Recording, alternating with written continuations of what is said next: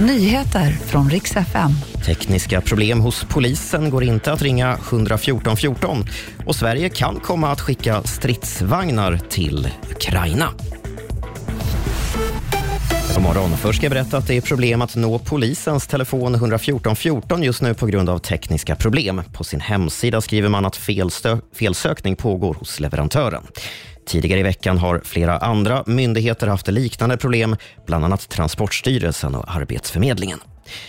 Och igår kom ju beskedet att Tyskland ska skicka stridsvagnar av modellen Leopard 2 till Ukraina. Nu meddelar Sveriges försvarsminister Paul Jonsson att det kan bli aktuellt för Sverige att göra samma sak. Till Svenska Dagbladet säger han att man i dagsläget inte förbereder någon donation av stridsvagnar, men att det inte är uteslutet att det kan ske i ett senare skede.